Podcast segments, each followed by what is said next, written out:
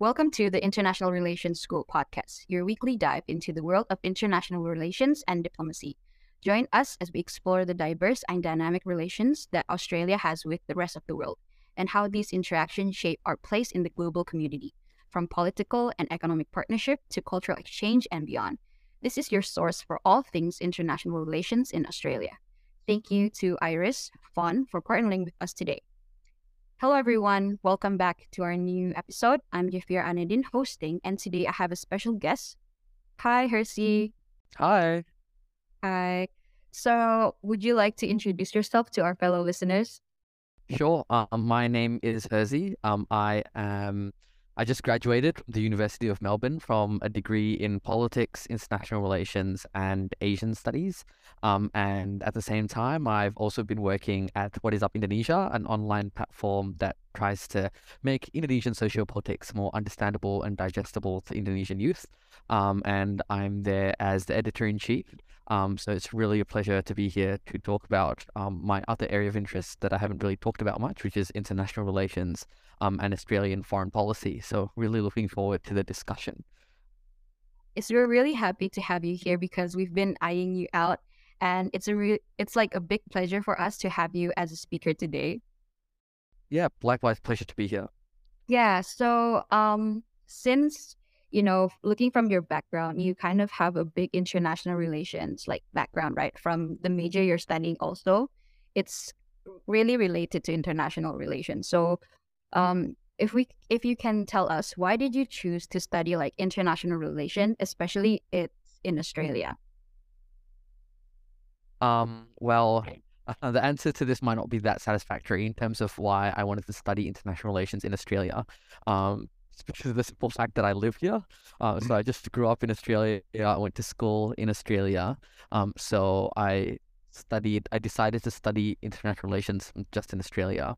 Um, I guess starting off with why I wanted to study international relations, uh, one of the big reasons why I got into politics um, and international relations was when I was growing up, there was a big refugee crisis in Australia where um, during the Arab Spring, um, a lot of refugees came illegally, the government says, through boat to Australia, um, and they were subsequently put in um, detention centers offshore in random islands, um, and that was classified by the United Nations as a human rights abuse and against the UN Convention on Refugees.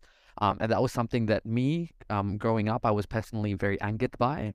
So I think um, you know that memory uh, really pushed me to study something that would um, allow me to understand a bit more about how justice works across borders um, and uh, and injustice how, how that works and conflict and i think international relations is um, really an area where you can study that what i would say about what's special about international relations in australia though um, is that um, if you learn international relations in america it's very um, theoretical i've heard and very realist but i think in Australia, we have um, the, the the sort of uh, critical theory um, influenced schools of thought um, are very much more prominent here. So you'll have um, a very interesting range of perspectives about why the international system is the way it is, um, and you know, really interesting analyses from lecturers about.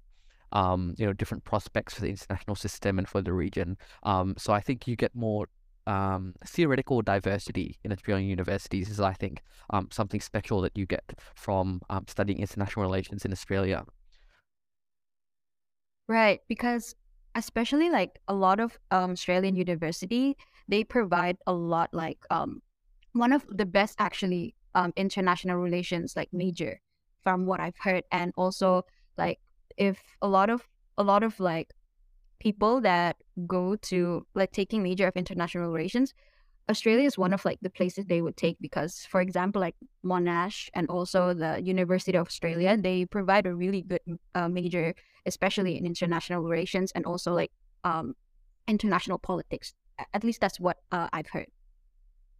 Yeah, that's correct. I think the famous sort of international relations schools in Australia would be well, first the Australian National University in Canberra, um, and I think that's a really good school to go to. Um, I nearly went there, but I chose not to because Canberra is a bit boring as a city, um, if you ask me.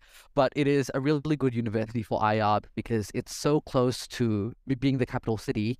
Um, it's so close to um, you know, a lot of embassies. Um, a lot of Mhm. diplomats live in Canberra um, and um, the Australian Ministry of or Department of Foreign Affairs and Trade is located Damn. 10 minutes away from the campus, basically. So, in terms of access to diplomats and foreign policy professionals, um, ANU is a great place to be. Um, I think generally um, the University of Melbourne's international relations program is quite highly regarded as well. Um, and interestingly, um, i i University of Melbourne's IR program is very Asia focused.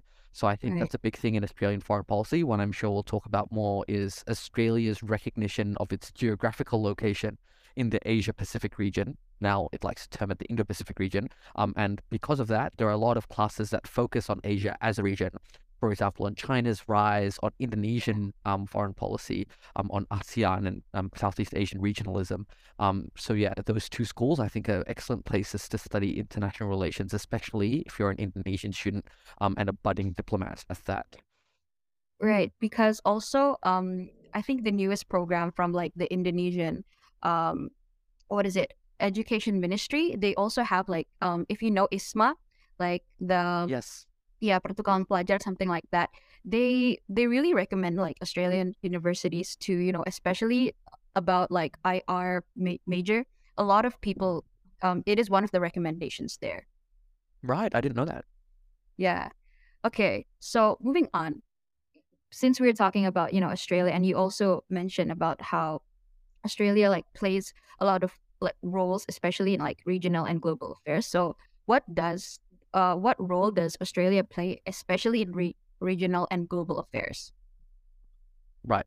Um, I think the official Australian government position, what they want to tell the world and to tell its citizens, is that um, Australia thinks of itself as a middle power. Um, so I think the concept of a middle power is one that I find um, interesting because it doesn't really have a set definition, right? If you want to Right. Call yourself a middle paddle power. There's not really a measure of GDP or GNI or um, you know military capability that sort of allows you to call yourself that. But I think historically Australia has always viewed itself as a regional um, a- a- as a um, as the middle power, um, and I think um, i i- it's it's thought of itself as that because of its unique position in being a European society within a non-European geography Geography. right? Um, so so um, in terms of how Australia th- likes to tell its neighbors, it acts, um, you know, as a bridge between the West and the East, as a cooperative regional partner. Um, I, I I think that's the image that Australia wants to put towards itself. Um, in a sort of the pessimist would say, um, and a lot of critics of Australian foreign policy would say that the role that Australia plays in the world is as um, the nickname is the United States lapdog. Um, I think a lot of critics of Australian foreign policy say that it doesn't have much foreign policy autonomy, um, that it's basically, um, you know, has to listen um, to the will of the United States and follow on it. Um, I'm not saying I agree with that thought, but I think it's just important as a counterbalance to the Australian government position, which is that it's a middle power who uh, basically negotiates and plays a role in upholding human rights and democracy across the world through means such as aid and through diplomacy, etc., etc. That's really interesting because I kind of like I heard it like I heard it from you about the new term. What was it like the United that you just said? United States lapdog. Yeah. That that's like it's it's a really new thing for me to hear, especially like coming from me. I'm also like an international relations students, right? Majoring in that. And I think um I just heard it from you and it's really interesting to dig in more. So yeah. and like moving on to like probably the next question that maybe a lot of people are asking, like what is Australia's approach to international relations and what are the key relationship with other countries and internal uh, international organization?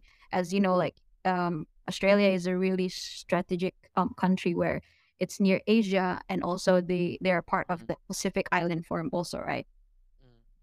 Yeah, um, I think um, the the modus operandi that um, Australia likes to take um, in its approach to international relations is definitely multilateralism. Um, at you know the extent to which the Australian government subscribes to multilateralism depends on a party to party basis. The last government led under Scott Morrison was quite criticized because um, they were perceived as pulling away from multilateralism, um, right? Um, but I think the current government under Anthony Albanese, um, they've made a point um, to show the world that they're back um, into multilateral forums. I think one of the first things that Anthony Albanese did was um, do it, and his ministers did was do a tour of the Pacific Islands once he got elected. Actually, the first thing he did was join an AUKUS dialogue um, right, the day after he got sworn in, he went straight to um, an AUKUS meeting. Um, and then after that, he did a tour of the Pacific Islands. And then after that, him and his minister did a tour of Southeast Asia. So they were very keen to show the world that Australia is back um, to, to, to help out and to cooperate with countries in a multilateral forum um, talking specifically about which countries or which multilateral organizations are important to Australia, you mentioned the Pacific Islands Forum, and I think recently right. the Pacific Islands has been a very strategically important um, organization and area for um, Australia because of you know the various great power interests. You know, China trying to um, you know be a Belt and Road Initiative grants um, in various Pacific Island countries. Australia is obviously very wary of that. You know, Chinese influence right by its doorstep. So, um, you know, tr- Australia is the largest economy in the Pacific region, um, followed by New Zealand, and it provides a lot of aid money to the Pacific Islands. So it's quite an important player in the Pacific Islands, um, and therefore, you know, its relations with Fiji as a key player in uh, the Pacific Islands Forum is quite important. And likewise with New Zealand it's really important as well. And traditionally, Australia and New Zealand have been almost brother countries. Um, so that's an important neighbor and an, an important partner to Australia. Indonesia is likewise a very important partner to Australia. Australia has provided a lot of aid money.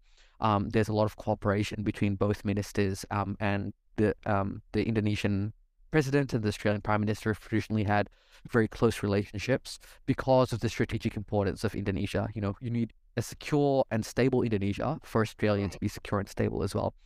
Um, and a recognition of that has meant that Indonesia is very important in Australian foreign policy. Um, China is very important in Australian foreign policy because China is Australia's largest trading partner. Um, and you know, Australian the Australian economy is very dependent and reliant um, upon China at this point.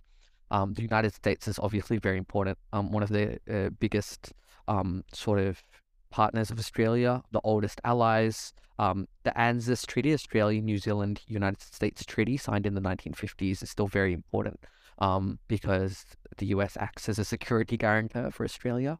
Um, and then, in terms of how that fits with multilateralism, with the US, AUKUS becomes very important. So that's quite new, um, a, a, a relationship between Australia, the UK, and the United States. So does the Five Eyes intelligence um, community. So the Five Eyes um, that consists of Australia, Canada, the United Kingdom, the United States, and New Zealand. Um, and you know, Australia has a very large um, surveillance and spying facility right in the middle of the Australian desert called um, Falls Gap. I think it is, and that's quite important strategically for all five of the nations. And obviously, um, you have to mention the Quad as well. so that's the group of Australia, the United States, India, and Japan as um, a counterbalance to India um, in the Asia, in the Indo-Pacific region. But Australia has also maintained a very important relationship with ASEAN. Um, it's part of the ASEAN Plus Six dialogue, um, and recently um, both government, both um, parties have made the ASEAN Australian Summit that's now annual, um, involving high level ministers. Um, and recently an FTA was signed as well. So that's just a brief overview of sort of Australia's important relationships with not only countries, but also um, multilateral, multilateral organizations. Right. Because I think there's one of like a big similarity between Indonesia uh, and also like Australia because both have like their own like a regional organization, for example, um, Australia is part of like the Pacific Island Forum and is also like one of the biggest players there. And also Indonesia is part of ASEAN and Indonesia is also part of that um, as a big player there. So I think like they they both have like two co- uh, a common thing. That's why I think Indonesia and Australia working together as you know partnership in in in like economic or any politics things are just um, one of like a really really good thing, especially they've been doing it since way back. And like um, it's also something curious that I think I want to ask is like, what is like the nature of Australia relationship with its neighboring countries and regional or- organization? Because since you mentioned ASEAN uh, recently, Yeah, so should I start with ASEAN? Yeah. I think um yeah, I think like I mentioned, um Australia's relationship with ASEAN is a very interesting one because um again, Australian foreign policy it tends to stay stable, but sometimes there are divergences and derivations depending on the prime minister in charge. Now, I think ASEAN was very disappointed with Australia during the term of the last prime minister because I think um you, you know ASEAN centrality is so important for ASEAN countries, right? The idea that um you know if you want negotiations to happen and you want cooperation to happen between countries in the Indo-Pacific or the Asia-Pacific region, ASEAN is a forum for that, right? Uh, The, Right. the idea of ASEAN centrality is so important for ASEAN. Um, and I think the Quad and AUKUS, um, which are two very recent developments and two developments that Australia plays um, quite a big role in, I think they saw that as a way to subvert power from ASEAN into those um, forums as a way to um, mediate cooperation and conflict um, in the Asia Pacific. Right, so I think they saw the Quad and AUKUS as challenges to the principle of ASEAN centrality. Um, so I think um, for Australia, it's quite a difficult position to, to to regulate its relations with ASEAN because I think Australia does rely on the United States a lot for its security and for its foreign policy. Okay. Um, and therefore, they naturally gravitate towards forums where the US plays a larger role, such as the Quad um, and such as AUKUS. Um, whereas with ASEAN, um, you know, there's a lot of cultural differences between Australia um, and the Southeast Asian countries that make it more difficult for cooperation to happen. Um, and um, the nature of ASEAN decision making um, is also quite difficult for Australia because Australia doesn't really have a say, um, right? They're included as part of the ASEAN Plus Six Forum, um, but they're not really an ASEAN member. Um, the idea has been toyed with. There have been various ideas, you know, wanting um, Australia to be part of ASEAN, but you know that's that's that's been thrown out multiple times. Um, so I think traditionally, I, I think um, the relationship between between Australia and ASEAN is still one that's being formed Mhm. and one that hasn't really been figured out yet. I think they're still working on finding the perfect balance because Australia realizes that it needs ASEAN, right? Australia realizes that if that they're in the Asia region, they have to engage with their ASEAN partners and they want to counterbalance China. They realize that they need the Southeast Asian countries on their side in order to be able to counterbalance China.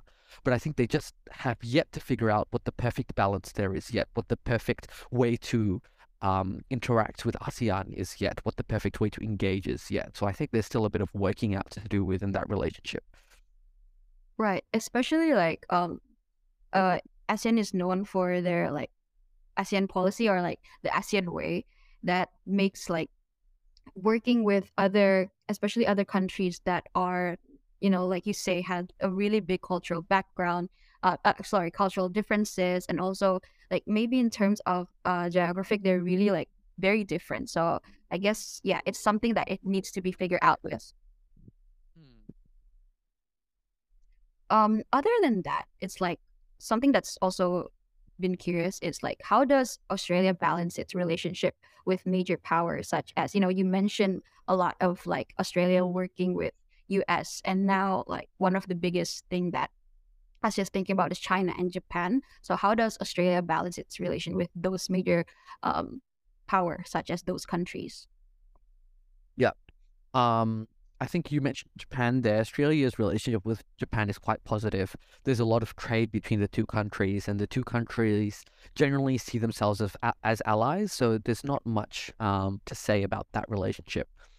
Um, I think um, increasingly, um, you know, in the past, Australia has tried to um, play be in the middle between um, the US and China. So you know, working with the US for security and in shared lim- liberal democratic values, but at the same time continuing a positive relationship with China um, to gain those economic benefits. Right. that recently has become more intangible. Um, sorry, more more more difficult. Um, and I think um, now the Australian government's approach is to um, the Australian government has started to become more assertive with China. Um, and I think the difference there is the Scott Morrison government under the Liberal Party, they took a quite quite an aggressive stance on China. They asked the UN for to investigate China. Sorry, they asked the World Health Organization to investigate China uh, regarding the COVID outbreak. Um, and and they were much more vocal, um, you know, and, and that elicited a lot of negative responses from Australia, from China, such as banning um, Australian wine exports, which is and lobster exports, which is actually quite important markets, and a lot of um, Australian wine producers suffered because of that. Um, so while, while that was, you can say that was an antagonistic approach on the part of the Australian government led under Scott Morrison.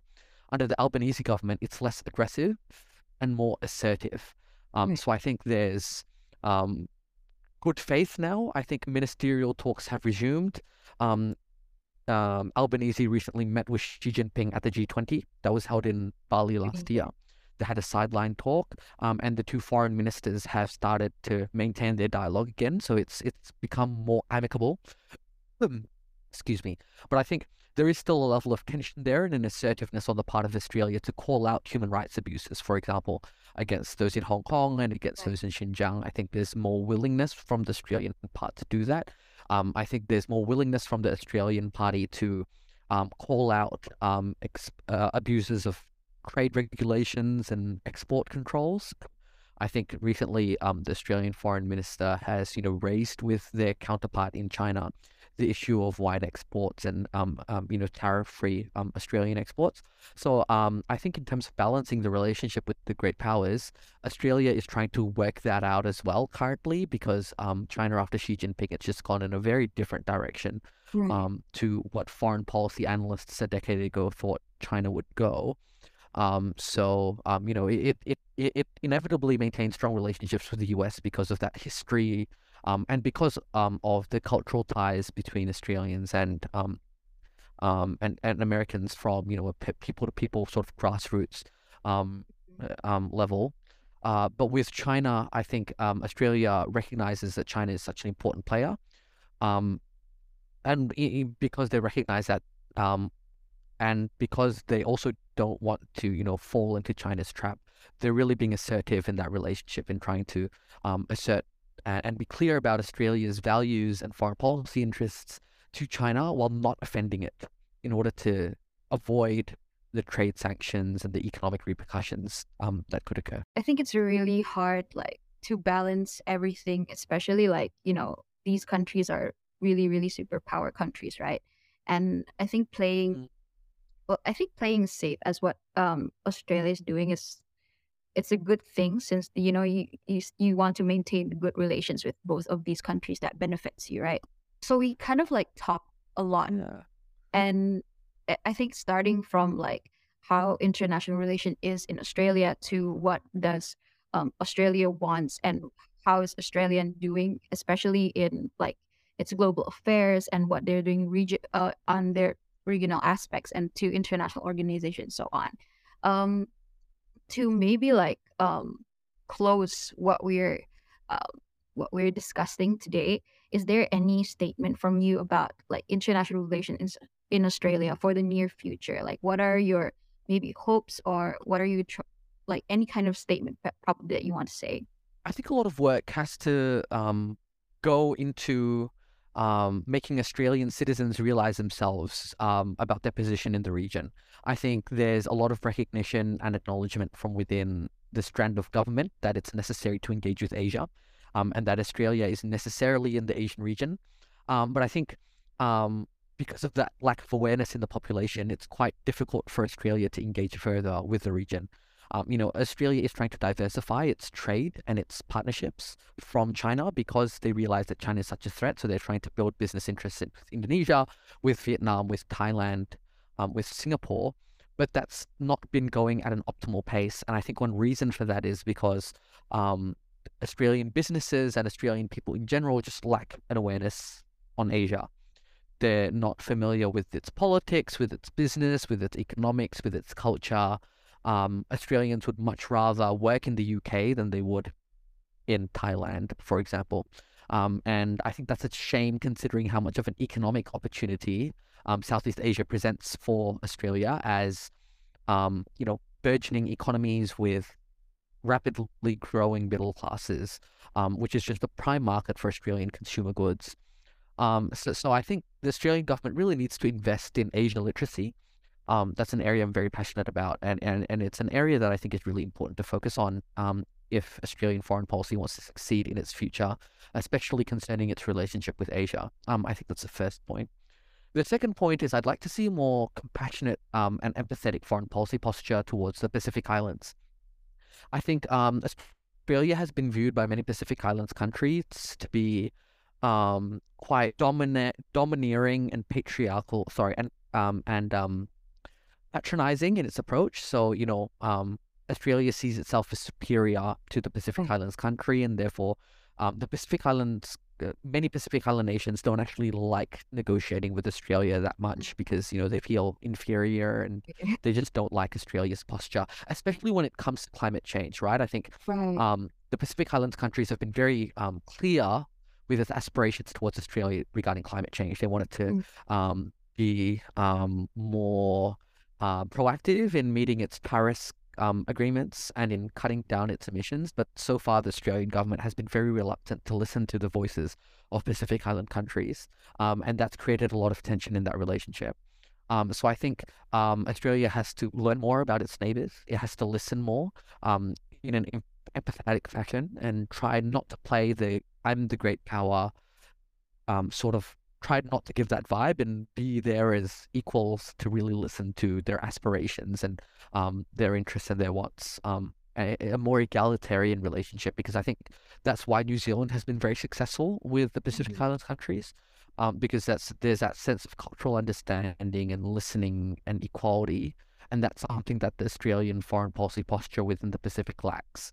Um, so um, a, a, more sort of compassionate um, foreign policy um, towards the Pacific is another aspiration that I have for Australian foreign policy moving forward. Right. I do agree with all of your like statement because we do want to see a more of like I think a much more understanding and much more listening to from Australia to um especially to the Pacific Island Forum. So I think I'm going to basically summarize of what we're discussing today. Um, so from what I've like from what we discussed is like Australia views international relation as an important um, has an important aspect of its national interest and seeks to engage with other countries and international organization organization to promote its values and interests, right? And this involves, you know, building strong relationship with key partners and participating in multilateral forums and also contributing to international security and stability um, Australia um, places a strong emphasis on also economic diplomacy and trade, as well as diplomatic and military par- uh, partnerships. Um, the country is known like for its like pragmatic and independent approach to international relations, and kind of seeks to maintain a balance between its relationship with major powers, um, regional countries, and international organizations. So yeah. Um, so, for the listeners, thank you all for tuning in to the last minute. And also, um, I think this is one of like my favorite episode, um, especially that I'm also kind of like uh, a big Aussie fan, I guess. Uh, I just don't know why. Uh, probably because I'm, I'm also like like uh, a Blackpink stan, especially like I'm, I'm a Rosé fan. No? A Rosé fan. right. Because I heard you're also like uh, a Blackpink stan, right? I I was I was. I moved on to other Australians. I'm now a NewJeans fan. Oh, you're now a NewJeans fan. So yeah. so yeah, don't forget to share and like our content. Um, also check out Hersey socials that we will be dropping on the captions. Um, thank you, Hersey, for being here with us and sharing all your knowledge. Um, it's really a pleasure for us to have you here. And yeah, so see you on the next episode. Have a nice day. Bye.